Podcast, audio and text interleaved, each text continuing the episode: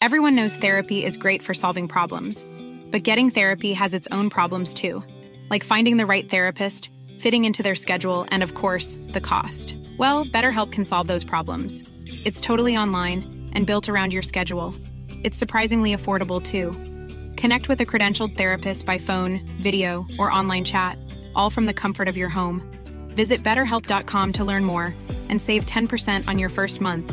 That's BetterHelp H E L P. Even when we're on a budget, we still deserve nice things. Quince is a place to scoop up stunning high end goods for 50 to 80% less than similar brands. They have buttery soft cashmere sweaters starting at $50, luxurious Italian leather bags, and so much more. Plus, Quince only works with factories that use safe, ethical, and responsible manufacturing. Get the high-end goods you'll love without the high price tag with Quince.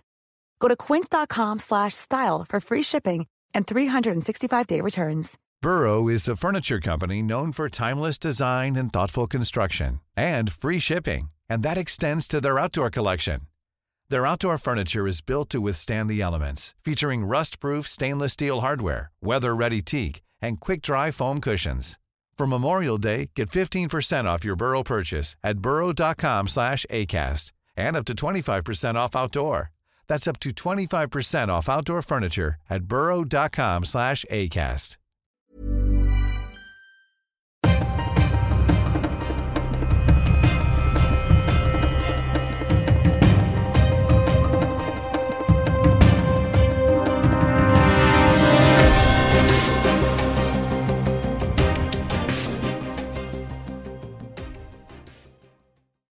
Sådär, då säger vi än en gång hej och mycket varmt välkomna till ett nytt avsnitt av dagens Juridikpodden med mig William Eriksson, som vanligt Stefan Wahlberg, men idag också med en gäst och det är inte vem som helst utan det är Migrationsverkets rättschef Carl Bexelius. Varmt välkommen. Tack så mycket. Hur står det till med dig? Bra tack. Vad har du gjort idag innan du kom hit? Ja, men det kommer närmast från vårt kontor ute i Sundbyberg. Jag har träffat eh, alla beslutsfattare inom arbetstillståndsområdet. Prata med dem lite grann om hur vi ska se till att vi håller hög rättskvalitet och effektivitet i, eh, i eh, arbetstillståndsprövningen. Okej, jag tänkte vi skulle gå eh, in mer senare på dina liksom vardagliga uppgifter och du kunde få beskriva för våra lyssnare vad man gör som rättschef. Men jag tänkte först att vi skulle stanna lite vid det som är mest aktuellt när vi spelar in idag och då är det ju så att det har brutit ut eh, sedan en tid tillbaka ganska kraftiga strider i bland annat Khartoum i Sudan och jag vet att ni har kommit med ett rättsligt ställningstagande som gäller Sudan. Vad är det som gäller där nu eller vad, vad, vad är det ni har kommit med för ställningstagande från Migrationsverkets sida? Ja, men det är ju så att Migrationsverket vi är ju väldigt påverkade av förändringar i omvärlden naturligtvis. Och när det handlar om just prövningen av eh, asylsökande så innebär ju det en sån prövning att får man ett avslag så ska man ju återvända till det land man kommer ifrån. Eh, här ser vi att det händer så oerhört mycket i, i Sudan så att vi har gjort bedömningen att utifrån det här förändliga och allvarliga läget i Sudan så, så kan man inte återvända till Sudan. Så att därför har jag i egenskap av rättschef fattat ett beslut om det vi kallar för verkställighetsstopp eh, som då gäller tills vidare. Så att eh, eh, inga verkställigheter sker från Migrationsverket och det är ju sen en dialog också med polisen och så att eh, man säkerställer det. Och, och vad, det är något, ett ord man ofta pratar om när man pratar om eh, migrationsrätt. Vad, vad betyder ett verkställighetsstopp? Vad händer med personer som kanske var på väg till Arlanda för att åka tillbaka eller bli tillbakaskickade? Vad gör man med dem? Då kan man inte genomföra en sån eh, verkställighet och då får ju det lite olika på, påverkan beroende på var man är i processen, om det rör sig om ett förvarsärende eller eh, om det är så att man eh, har lämnat ett boende kanske. Då är det här ofta skäl som gör att man får vara kvar i boenden eh, om den här typen av händelser inträffar. Så det är lite olika typer av agerande som sker beroende på var man är. Är det här ett ensidigt beslut ifrån Migrationsverket som, som, eh, som part? Kan någon besvära sig över eller kan det angripas på något sätt i någon mening om man tycker att men det här var ett beslut som inte alls borde ha fattats? Det där är en eh, väldigt bra och relevant fråga och det har ibland följt i debatten en del eh, som har haft synpunkter på olika typer av beslut som Migrationsverket, ofta i egenskap av rättschef, har fattat genom åren. Det kan ju vara ett beslut om att vi för närvarande inte avgör ett ärende eller att vi då inte verkställer ett, eh, ett beslut om utvisning och avvisning. De besluten i sig kan man inte som enskild klaga på utan eh, Sen så innebär ju den här typen av beslut att den enskilde får ju själv eh, då komma in med en begäran om inhibition till exempel, att den här verkställighet ska avbrytas. Så, så det, det, är där det hanteras i det enskilda eh, fallet. Men, men som i det här fallet så är det någonting som i princip är ett beslut från dig som rättschef eller från myndigheten som är gynnande för den enskilde som kanske mot sin vilja skulle ha, ha fått verkställighet i ett utvisningsbeslut till exempel. Va? Ja, alltså, det är ju så att om den enskilde själv vill återvända till exempel till ett land så kan man alltid göra det. Utan det är ju Migrationsverkets arbete med verkställighet som vi avbryter. Och den där är ju lite speciell den här uppdelningen när det handlar om eh, just grunden för den här typen av beslut. För vi, det ena är ju vad man kan göra eh, utifrån eh, normhierarkin.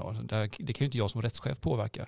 Däremot så har vi i vår arbetsordning en fördelning av vilka typer av beslut man kan fatta. Så till exempel så kan enskilda handläggare, beslutsfattare inte fatta beslut i strid med ett rättsligt ställningstagande från rättschefen. Med risk för att är lite juristnördig här då.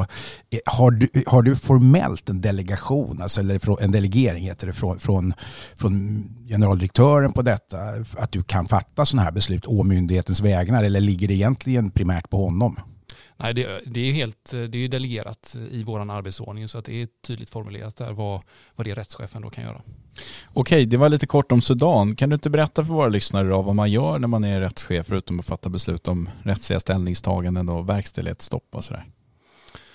Alltså jag, är ju, jag är ju rättschef för myndigheten i stort och med det kommer ju en rad olika eh, aktiviteter och åtgärder som jag behöver vidta. Och sen är jag ju också avdelningschef, så jag är chef för rättsavdelningen, en avdelning på ungefär 55 jurister framförallt eh, som har lite olika delar att göra. Så att min arbetsdag är väl, återspeglar väl just den här, de här två delarna, rättschefsagerandet för myndigheten i eh, utåt, externt så att säga, och det här mer in, interna då, att vara eh, avdelningschef. Och det innebär att min dag brukar se ut ganska mycket på, på så sätt, eller om man tittar på en vecka i alla fall, att det är fördelat över de här två uppgifterna. Så att ganska mycket sittningar ehm, rörande rättsliga frågor där det kan vara våra experter som har identifierat ett, ett område med anledning av ny lagstiftning till exempel. Eller det har kommit upp någon problematik med ny lagstiftning från vår verksamhet som har uppmärksammat det. Och då tittar man på den rättsliga frågan, eh, försöker lösa ut så mycket man kan så tidigt som möjligt. Eh, men man kan komma i mer principiella diskussioner där man ser att det får en stor påverkan, en riktning åt ena eller andra hållet. Då lyfter man en fråga till mig. Då har man en, en sittning kring det där vi försöker lösa ut i alla fall en inriktning. Eller jag kan ge en inriktning och ett inriktningsbeslut. Och sen så kan det fortsätta det arbetet från mina jurister då. Eh, och, kan landa i ett, med rättsutredning eller ett ställningstagande eller vad det nu kan vara för någonting. Eller någon annan typ av, av beslut. Så att vi ger ju stöd både till till myndighetsledningen egentligen och säkerställa då att våra, våra processer är kvalitetssäkrade och att vi har bra stöd till våra handläggare.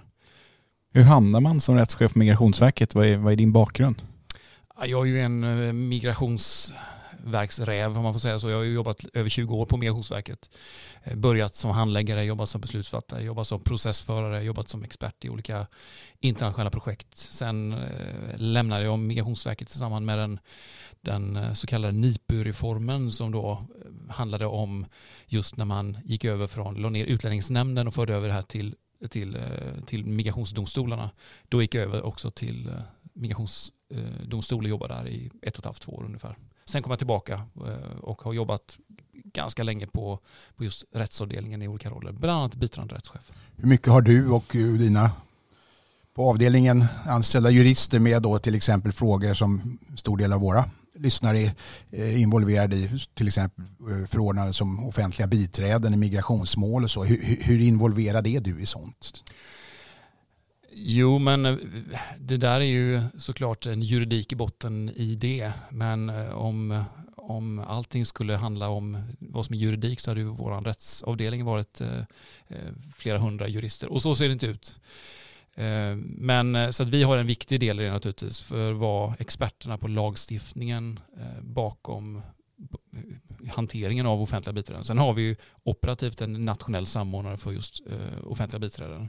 Plus att det finns en finns ju en regional dimension i det här också. Eh, min, min, min, fråga var egentligen mer inriktad på den operativa delen av till exempel urval av vem som får verka som offentligt biträde eller vem som kan ha diskussioner kring det. Vem har tillräckliga kompetenser för det och har alltid en advokat det ska han, han eller hon anses mm. ha och så vidare. Hur mycket, vem, är det du som fattar sådana beslut eller är det någon annan? Ja, jag har ju fattat beslut rörande just eh, kvalitetskrav på offentliga biträden de vi förordnar. Så långt vi kan gå med den lagstiftning vi har. Vi har ju eh, efterlyst lite eh, skarpa lagstiftningar för att se till att vi verkligen har bra offentliga biträden i de här ärendena. Inte minst då när det handlar om utvisning, asylärenden där det är personer som är, är utsatta. Eh, vi har gått så långt vi kan och då är det jag som rättschef som fattar ett sådant ställningstagande och sen så ska verksamheten tillämpa det. Sen har ju jurister som, som stöttar verksamheten i det här för det uppkommer ju alltid massa följdfrågor på det här naturligtvis. Mm. Bara kort, principfrågan, jag vet att det är en lagstiftningsfråga ytterst och du är inte lagstiftare utan verkställare. Men det har ju ändå en, en, en, relevans att diskutera. Är det lämpligt att Migrationsverket som också uppträder i domstol som part faktiskt förordnar eh, eller är med i förordnandet av de här biträdena som sen ska företräda, om man säger då, mm. era motparter. Mm. Vad har du för uppfattning kring det? Ah, jag vet inte vad jag ska tycka om det egentligen. Vi eh, som, eh, som Migrationsverk, vi har inte uttryckligen bett om detta mm, på något sätt utan vi försöker hantera det så, så bra vi kan med den, eh, med den lagstiftning vi har. Och jag vet att den frågan den återkommer ju ofta, men vi, vi, det är upp till bevis för oss. Vi försöker vara så tydliga och transparenta i vår hantering där som möjligt då, så att vi har ett, till exempel ett ställningstagande där vi beskriver vilka kvalitetskrav ser vi och vi försöker ju kommunicera med Advokatsamfundet till exempel eh, så, så bra vi kan. Eh, den kanske största och bredaste frågan i det här eh, ganska långa frågebatteriet som vi har till dig idag, den, den skrivs Hur mår svensk migrationsrätt idag 2023? Hur lång tid har vi på oss? Obegränsat. Ja, men jag tror att eh, migrationslagstiftningen den är ju eh, otroligt komplicerad. Eh, när jag började jobba med de här frågorna för, för över 20 år sedan då kunde jag ändå ganska tydligt och bra förklara hur regelverket hänger ihop. Det är inte alls lika enkelt idag. Eh, och det beror på lite olika saker. Det ena är ju att vi har haft eh, en politisk sammansättning i de här frågorna som har varit ja, helt enkelt parlamentariskt komplicerad som gör att man har behövt hitta inriktningar och gjort kompromisser kopplat till de olika lagförslag som kommer fram.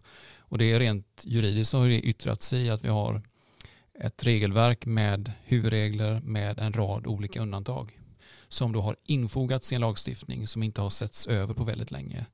Ehm, så att det är den ena delen. Sen så är det en, en stor påverkan ehm, från EU så att EU-rätten har ju kommit in vid sidan och slått in kilar om man får säga så ehm, och ytterligare komplicerat det här regelverket. Så att, och sen så ovanpå det så får man säga att nu har vi ju dessutom en migrationsreform på plats som handlar om framförallt att eh, den politiska viljan ska få ett större genomslag i lagstiftningen. Den handlar inte om att förtydliga eh, utlänningslagen till exempel, vilket jag tror rätt många som jobbar med de här ärendena hade, hade sett en översyn bara för att göra den mer begriplig och lättöverskådlig och, och tillämpbar. Man pratar ju, det som blir uppmärksammat i media är ju ofta de här undantagen som du pratar om, vad det nu kan vara gymnasielagar och, och så vidare. Men är det för lite fokus tycker du på själva liksom grunderna i migrationsrätten? Alltså diskuterar man för lite utlänningslagen och, och de liksom fundamenten i den här lagstiftningen?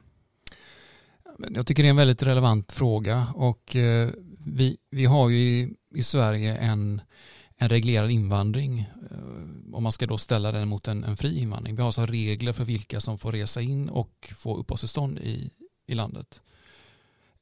Jag nu ser man ju väldigt tydligt utifrån den politik som nu förs fram eh, väldigt starka åsikter om vad det är man ska fokusera på. Eh, eh, och så tydligt som det är formulerat, det har ju inte jag sett tidigare. Och jag tror ibland att man har haft en reglerad invandring men den kanske inte har varit så medvetet kopplad till vilka behov man ska svara på i alla lägen. Man har haft ett Eh, varit väldigt tydlig med hur bestämmelserna som sådana ska se ut och de ska vara tillämpbara. Men eh, jag tror att eh, vad det är man vill åstadkomma med utformningen av de olika bestämmelserna kanske inte har varit uppe på agendan Eh, så tydligt tidigare. Hur, hur tycker du som är expert på området att den både politiska men även den så kallade allmänna debatten ibland eh, framstår som här där man kanske blandar ihop frågor som arbetskraftsinvandring och asyl, asylfrågor och, och, och så vidare. Är det lite huller om buller med handen på hjärtat eller förstår man skillnaderna bland våra rikspolitiker mellan de här olika då, rätts områdena eller lagarna som reglerar de olika typerna av invandring om vi kallar det för det under ett samlingsbegrepp? Det är en ganska bred fråga du, du ställer um, och eh, kanske svår att svara på på ett tydligt um, sätt. Sen vet jag inte om det är jag som ska svara på den heller som, som rättschef på Migrationsverket. Men jag, jag kan väl säga att eh, eftersom regelverket har blivit så komplicerat så är det svårt att få en bild av det. Och har man till exempel ansökt om uppehållstillstånd på en grund är kvar i landet och sen så byter man grund, ja, då är det andra bestämmelser som kommer in med andra överväganden. Och att kunna följa den röda tråden, det är, det är svårt eh, även för oss som är involverade i det här området. Det jag menar är att många gånger i den så kallade allmänna debatten och kanske även i den politiska debatten så kan man få ett starkt intryck av att eh, en invandrare är en invandrare är en invandrare. Att det liksom är en och samma, det är en homogen grupp som kommer hit på samma rättsliga grunder ungefär. Och det, det, är där någonstans jag tror att det vore intressant att bara höra din synpunkt på om, om, om det här kunde göras tydligare till exempel. Ur ett kommunikationsperspektiv kanske. Jag, jag tror att eh, det, det hände ju någonting 20, 2015 eh, med den, den, stora mängden asylsökande som kom då. Eh, och det som framförallt hände förutom att det var 163 000 asylsökande just det året Eh, Eh, det var att migrationsfrågorna gick från att vara en migrationsverksfråga och en fråga för migrationsdomstolarna till att bli en fråga av mycket större allmängiltighet i, i, i Sverige. Och det har blivit en av de stora frågorna därefter som om inte har dominerat så har starkt präglat den både offentliga debatten och, och, och politiken. Jag tänker, du, du är inne på det, jag tänkte vi skulle prata lite mer om 2015, men, men det du säger här är att frågorna eh, belystes ur ett annat perspektiv. Hur är det liksom rent emotionellt för dig som rättschef att fatta den här typen av ändå stora beslut som påverkar väldigt många människor i kanske utsatta situationer? Ja, jag tror att eh, just emotionellt det är svårt att, uttala mig på det sättet. För jag, eh, men, men samtidigt så vill jag väl säga att anledningen till att jag jobbar med de här frågorna eh, och inte något annat rättsområde. Men det är, det är egentligen tre delar. Det är att det är eh, viktigt område. Det är svårt. Eh, och sen juridiskt är det ju väldigt, väldigt spännande måste jag säga med den här blandningen av nationell lagstiftning, EU-lagstiftning, Europalagstiftning och internationell rätt. Det är ju en, eh, för en jurist är det ju, bara den delen är ju lite av en dröm. Det är ju otroligt spännande. Eh, men det är klart att det här att det är viktiga frågor. Migrationen, eh, oavsett vilken grund man kommer hit, om det är för att återförenas med någon eller om det är för att man söker skydd eller arbete, det är ju en, det är en jättegrej det där att eh, byta land och ta sig till någon annanstans. Det är otroligt spännande att jobba med det. Eh, och det är klart att jag tror att oavsett om man är enskild beslutsfattare i ett ärende eh, eller om man jobbar och, som jag gör då, och ska ta ställning till ett rättsligt ställningstagande med olika dimensioner så vet vi om att det påverkar människor. Och det är en av anledningarna till att många jobbar med de här frågorna. Skulle jag säga. Samtidigt så, bara för att lite problematisera det hela kanske då, så, så tror jag att det är oerhört viktigt också att det här är ett eh, system, eh, om man nu tittar på asyllagstiftningen eller någon annan del, så behöver ju det här systemet hänga ihop. Jag pratade eh, med en, en hög företrädare för en, en flyktingorganisation just kopplat till, och detta var väl någon gång 2015 situationen där det var väldigt många som kom just då. Um, och den personen förde just fram det. Eh, där man kan tro att det handlar om att värna asylrätten, bevilja skydd till alla. Det som eh, hen förde fram här, det var just att eh, se nu till att de som inte har rätt till skydd återvänder. Se nu till att hela systemet så att säga håller ihop. Och den delen när det handlar om att värna asylrätten det är att de som har rätt till skydd de ska få skydd. De som inte har rätt till skydd där måste vi göra vad vi kan för att de ska återvända till sina hemländer och kan fortsätta sina liv. Och I den delen så kan man ju säga att även om visst ansvar inte åvilar Migrationsverket för verkställigheten utav de som kan utvisas eller verkställas i sin utvisning så, är det ju någonting som har fått både hård kritik men också visat sig inte fungera utmärkt. Va? Alltså det vill säga det är väldigt många som blir kvar i Sverige trots att de borde lämnat Sverige. Ja men så är, så är det. Och eh, det, och det är viktigt att ha med sig att asyllagstiftningen den är inte till för att jämna ut sociala och ekonomiska o, eh, ojämn, eh, ojämlikheter här i, i, världen utan den är till för att ge skydd framförallt från förföljelse eller utifrån Europakonventionen, tortyrkonventionen riskera att torteras eller eh, utsättas för någon form av, av allvarlig behandling. Och det kan vara personer som inte når upp till det men som fortfarande tvingas återvända till väldigt bedrövliga förhållanden. Eh, och, de, och det gör väl också att eh, en del personer de väljer att inte följa beslut från, från Migrationsverket och från domstol. Och här har det verkställigheten då kommit lite grann på, på undantag. Under den, i varje fall senaste åtta årsperioden kan man väl säga att väldigt, väldigt många har inte kunnat bli då verkställda i sin utvisning och, och hur påverkar det här då förtroendet för hela det rättsliga system som du då så målande beskriver här och kanske inte, ytterst, inte minst ytterst politiskt? Va? Jag tror att om man tittar på det i en, en europeisk kontext så är ju Sverige duktigare eh, och effektivare på att genomföra verkställigheter än många andra länder har haft det eh, tydligt på agendan under väldigt lång tid. Det är inte alltid så i en del andra länder. Eh, och det finns ju en, en stor eh, utmaning ibland att framförallt jobba med, med återvändande och verkställighet av personer som inte vill återvända till sina länder när det finns vissa länder som inte accepterar att ta emot sina medborgare om inte individen själv vill det. Sen är det ju många också som, och det är ju grundbulten i det här systemet, det är att den enskilda har ett stort ansvar. Eh, Migrationsverket informerar tydligt att får man ett avslag och det vinner lagkraft, då förväntas du lämna landet också och det det gör ju många. Det är ändå tusentals som gör det varje år. Men det finns också de som inte gör det. Så att, och där jobbar ju Migrationsverket med självmant återvändande och det är polisen som jobbar med det tvångsvisa. Och där finns ju som sagt utifrån som jag beskrev då, vissa länder där det är särskilt svårt. Där man behöver jobba på alla möjliga nivåer eh, och det är ju inte minst då mellan länder för att eh, se till att den här grundbulten att ta ansvar för dina egna eh, medborgare. Det, alltså allt vi pratar om här, bara det att jag ställde den frågan hur det känns emotionellt att fatta vissa beslut säger ju ganska mycket om eh, hur politiskt eller emotionellt laddat migrationsrätten kan vara. Jag tror att det mot bakgrund av det finns en risk att migrationsrätten blir politiserad. Alltså Migrationsverket har ju till uppgift att tillämpa lagstiftning. Lagstiftning är ju per definition eh, produkten av politiker så att på det sättet så Ehm, så, så är, det, är det så. Och där är ju inte migrationsrätten unik på något sätt. Ehm, däremot så ser man ju att det är olika typer av politiska viljor som kommer till uttryck i lagstiftningen. Ehm, nu är det ett jättestort fokus på framförallt, eh, precis som vi talar om här, eh, återvändande och verkställighet eh, återkallelse av tillstånd för de som inte eh, längre har rätt till tillstånd eh, och återvandring. Det är tre delar som, som Migrationsverket har att arbeta med nu i, eh, i sitt uppdrag för eh, 2023.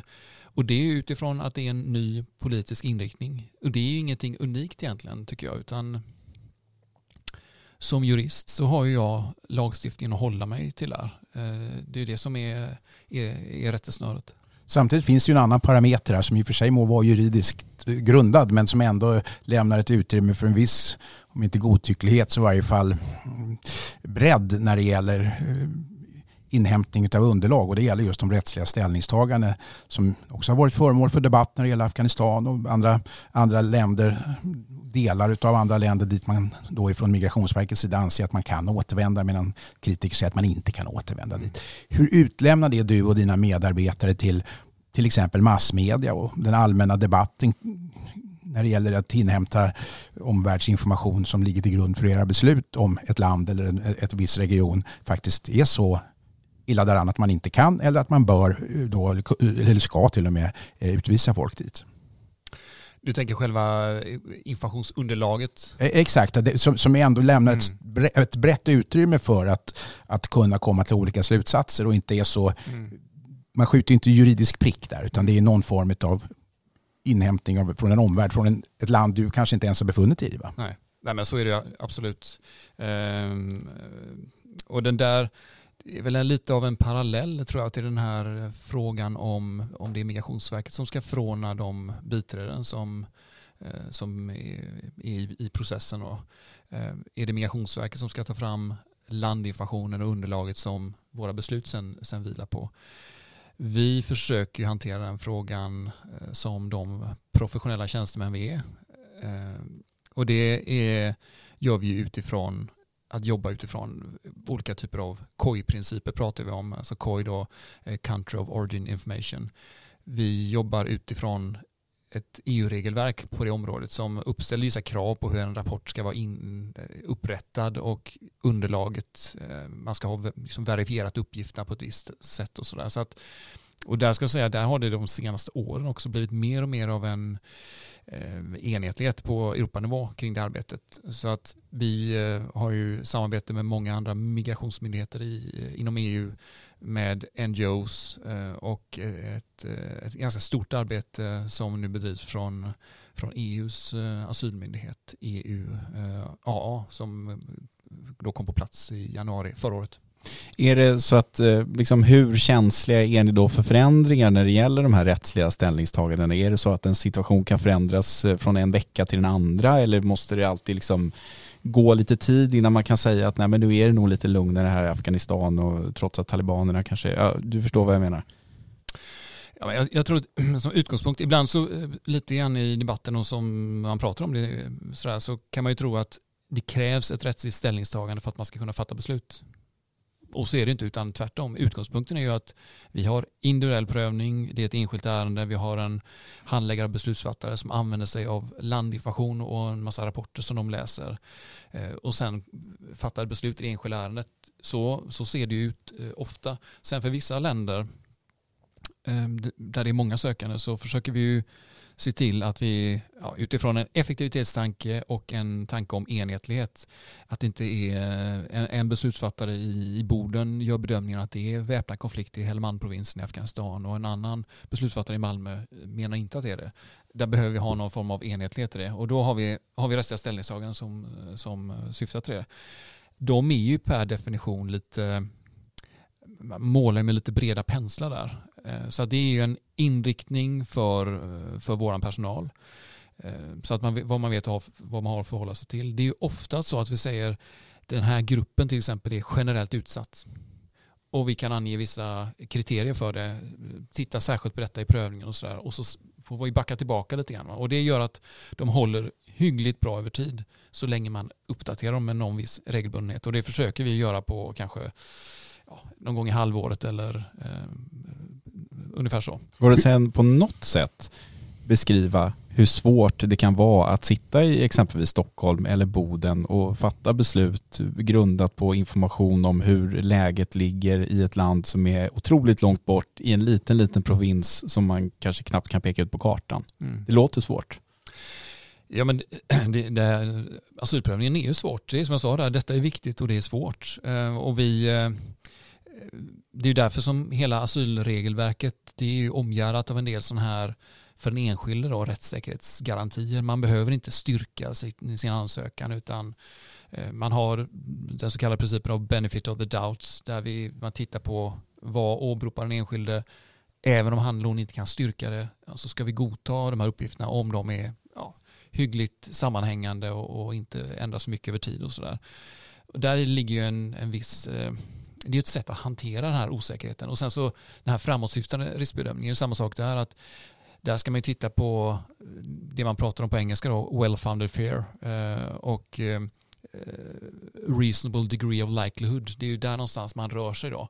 Så att eh, så som asylrätten är upprättad så innehåller den lite element för att göra det möjligt att kunna fatta den här typen av beslut som då, som du säger, det är långt bort ifrån där det verkligen händer när det gäller skillnaden mellan till exempel folk som kommer och, och asylsökande som får flyktingstatus eller om de är, är, är särskilt skyddsbehövande, för mig att den andra gruppen heter. Vilken är lättast att, så att säga, tillämpa de här principerna på? Vi pratar om grupp, vissa grupper och även ska individual, individuellt prövning, individuell prövning och så vidare.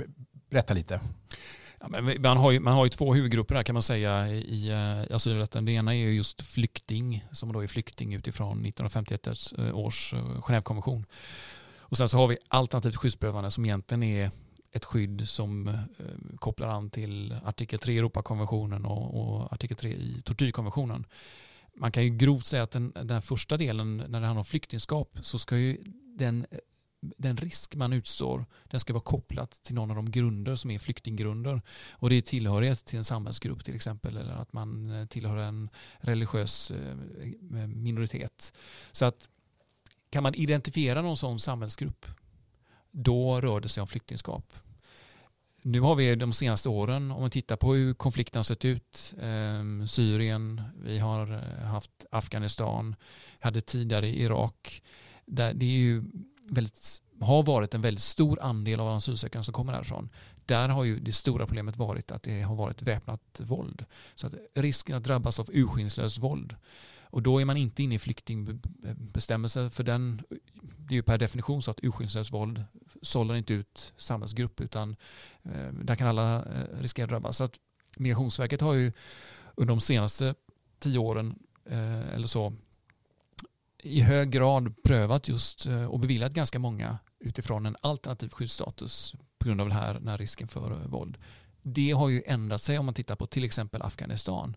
Där det urskillningslösa våldet har ju eh, kraftigt gått ner. Däremot så ser vi att det finns en större utsatthet för vissa grupper. Och då är man inne i flyktingskapsbestämmelsen. Så det är där någonstans de här två begreppen används. En sista fråga beträffande det där. Flyktingstatusen är, jag ska inte säga, använda ordet lite finare, men den har lite större skydds det har ett större skyddsnät kring de som har flyktingstatus än de som citat bara slutcitat är, är, Alternativ är alternativa skyddsbehövande. Mm. Varför är det så? Ja, men det, är, det är en grund i, i flyktingrätten egentligen där staterna kommer överens om vissa rättigheter som följer med flyktingskapet. Eh, och det var på 50-talet och då, eh, då, då knöt man som en, en, större mängd rättigheter kan man säga till det. Och det, på det sättet så har det alltid betraktats som lite, lite finare kan man säga. Men, men är det obsolet idag när världen ser ut som den gör? Den har ju förändrats sedan 1951 onekligen. Ja, men de har ju lite olika, eh, olika syften ändå. Så att jag tycker, tittar man på det utifrån behovet av internationellt skydd på det sättet att eh, internationella samfundet går in i form av till exempel Sverige när vi beviljar eh, asyl Eh, Eh, det ska vi göra först när det egna landets myndigheter inte kan ge det skyddet. Och det kan ju vara av olika skäl. För att man inte vill det. Om det är så att eh, den regimen är ute efter en speciell grupp. Eller för att det är en väpnad konflikt där. Så att man kan ju vända på det och säga att utifrån den, från individen så, så finns det behov av båda de här bestämmelserna. Man kan också tillägga att som det ser ut nu så, så beviljar ju eh, Sverige större andel flyktingar än alternativt skyddsbehövande idag. Vi har ju också ett pågående ryskt anfallskrig i Ukraina som har utlöst eh, det här massflyktsdirektivet från EU. Vad betyder det? Betyder det rent konkret att alla som har ett ukrainskt pass direkt kan få komma till Sverige? Vi kan inte säga nej helt enkelt.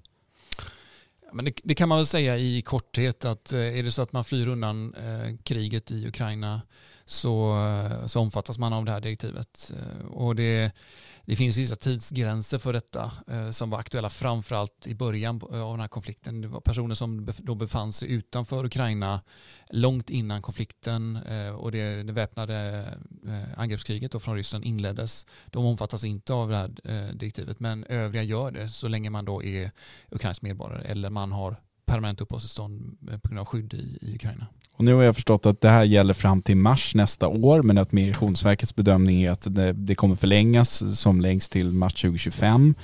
Hur många personer räknar man med kommer att komma till Sverige under de, eller har kommit och kommer att komma hit från Ukraina? Jag tror, och nu blir det sådana här siffer, eh, siffror att komma ihåg, men jag, jag, tror vi har i vår prognos gjorde bedömningen att vi någon gång 2025 kommer ha kanske 44 000 inskrivna i mottagningssystemet eh, som omfattas av massflyktsdirektivet. Det är ganska många. Vet du, har du, har du, kan du mellan tummer och pekfinger hur det ser ut i övriga europeiska länder? Hur, vet du hur många som har flytt från Ukraina till övriga andra länder i Europa ungefär? Ja, det kan ju låta som ganska många men i, det, i den jämförelsen så är det ju ganska få. Jag tror bara det är en procent ungefär som har kommit just till, till Sverige. Så att, eh,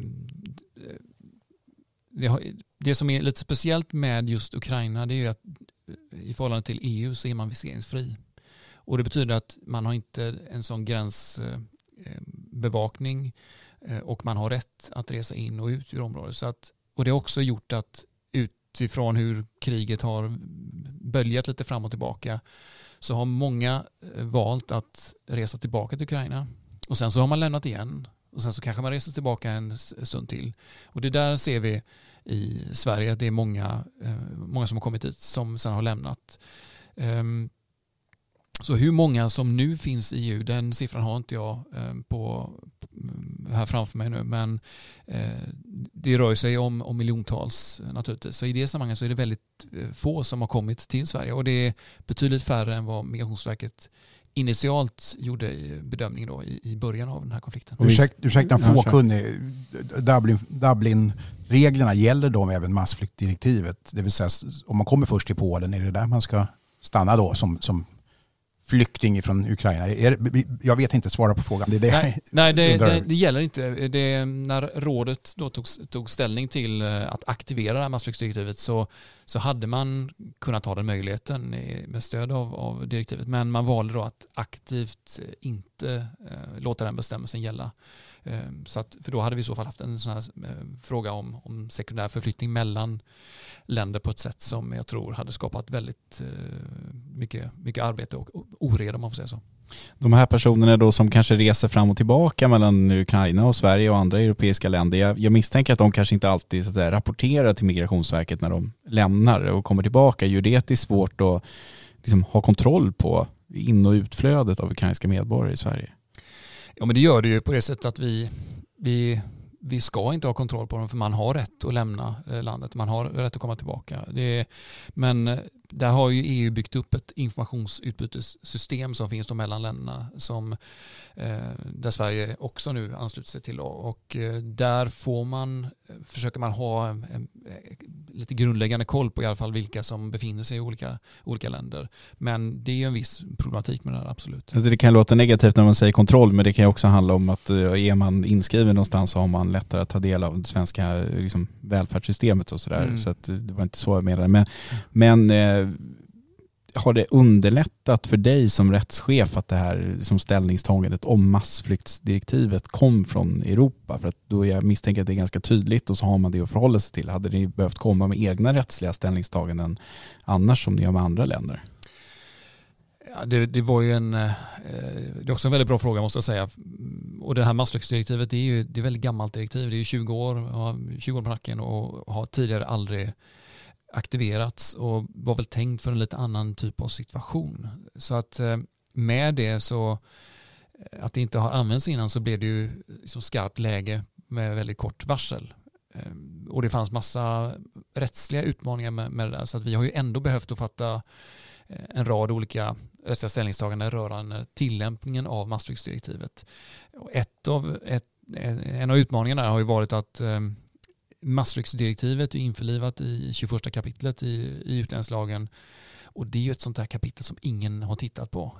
I alla fall jag när jag har studerat eh, utlänningslagen och bläddrat den. Så det kapitlet har mig snabbt liksom bläddrat förbi för det har inte aktiverats. Så det är ingen som har tittat på det innan. Och så att den det är ju lite av en, av en sån här tidsdokument som helt har inte berörts av några migrationsreformer på 20 års tid och det har hänt ganska mycket på det här området. Och så har man det här 21 kapitlet som har legat där ehm, i dvala ehm, och ehm, sen plötsligt aktiveras och då såg man att den har inte riktigt hängt med i ganska grundläggande delar kring vad är det här för något egentligen? Är det ett ansökningsförfarande eller är det någonting som vi ex officio bara ska bevilja ut direkt med stöd av rådsbeslutet att genomföra direktivet? Så där har, där har man liksom behövt att jobba tillbaka det här i, i förvaltningsrätten i, i vanlig ordning. Så att det är ganska mycket jobb bakom kulisserna med, med det här kan man säga.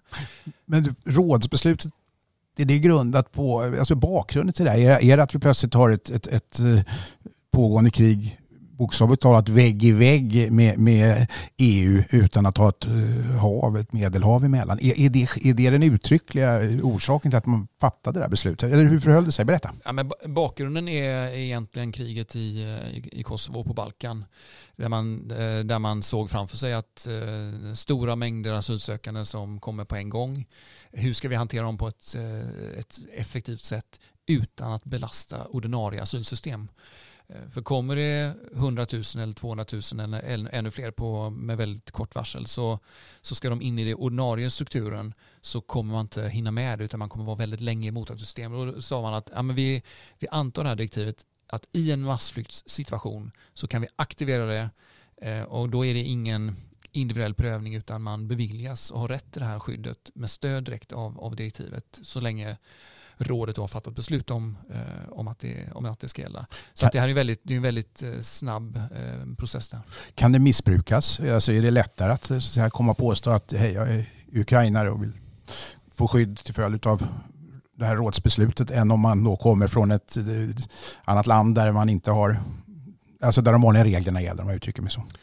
Ja, men det är klart att vi, vi har ju sett en, en ökning av antalet asylsökande till följd av kriget i Ukraina utifrån att säkerligen gränsbevakning och eh, olika typer av åtgärder har inte fungerar på samma sätt som tidigare. Och det gör att, eh, att en del eh, personer som inte omfattas av direktivet har tagit sig in på, på territoriet.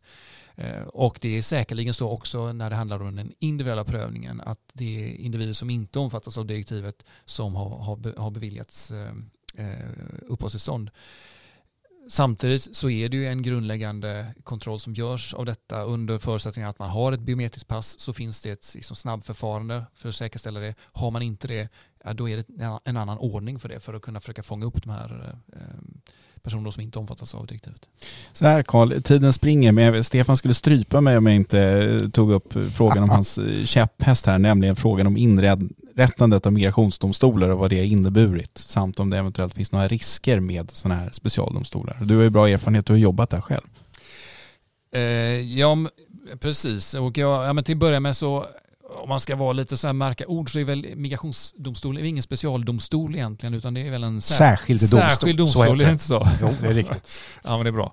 Eh, och, eh, och det innebär ju egentligen också att migrationsdomstolarna är ju ehm, eh, ofta en eller ett par avdelningar på förvaltningsrätten eh, med samma rutiner och, och samma förfarande som för övriga, eh, övriga mål. Så på det sättet så så skiljer det sig inte åt så mycket. Eh. Men jag tycker i grund och botten att det här är väldigt positivt. Ja, eh, syftet med att ha domstolar, ja, nu kanske det är just frågan om särskilda domstolar som är i den fråga du ställer här och inte överföring till domstolar generellt. Ja, det, jag tycker att båda frågorna är principiella. Den inledning du hade här om att det i själva verket är just en särskild domstol och inte en specialdomstol. En specialdomstol är ju då utifrån definitionsperspektiv, nämligen en domstol som ska så att säga, vara helt som en självständig myndighet utanför en annan domstol. Mm. Medan en särskild domstol finns, som du säger, inom, inom då de andra allmänna eller förvaltningsdomstolarna. Fick vi lite grund, grund, grundlig genomgång av det också. Men eh, tanken är väl snarare att, att man från vissa håll, inte bara när det gäller migrationsdomstolarna, då höjer, höjer på ögonbrynen åt att det kan å ena sidan bli en homogen rättstillämpning samtidigt så kan den bli väldigt, får en slagsida så riskerar den att få slagsida rejält om jag uttrycker mig så, trots att vi då har en, en överdomstol också. Mm. Jag, jag ser inte riktigt den faran måste jag säga utan jag tycker ju att eh, migrationsdomstolarna är väldigt eh, professionella. Det är ju eh, som jag brukar säga i olika sammanhang, det är en prövning i svensk domstol. Ehm, nämndemän som är med i andra mål också. Ehm, domare som ofta jobbar med andra mål också, om det är skattemål eller socialförsäkring eller vad det nu är för någonting.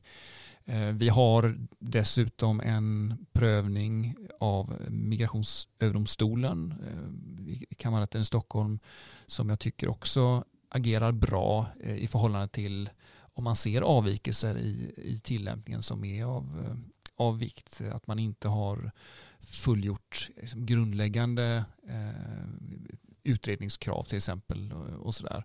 Så att jag, eh, jag ser inte riktigt den utmaningen utan jag, jag, jag har ju tyckt att det varit väldigt positivt att man har fått in en prövning och en, även om det fortfarande är skriftlighet som är utgångspunkten, eh, ökad, eh, ökad muntlighet också i processen. Det har varit en av, en av de viktiga delarna. Men fungerade det inte tidigare när det var nämnder? Det var ju politiska beslut till stor del tidigare. Ja, men det var väl det som var eh, en del av kritiken, en ganska stor del, att det var ganska slutet, eh, sluten ordning med utlänningsnämnden och eh, man ville ha in det här mer i det, i det traditionella förfarandet. Sen, sen, och så blev det just särskild domstol som man då eh, valde, men i grund och botten ha samma utgångspunkter och principer för prövningen i, i de här målen som andra förvaltningsmål och det tycker jag är, är sunt i grund och botten. Bra, då har vi rätt ut det Stefan. Är du nöjd? Jag är jättenöjd. Tack för det. De Bra. svaren. Då säger vi stort tack till Migrationsverkets rättschef Carl Bexelius för att du tog dig tid att gästa podden. Tack för att jag fick komma.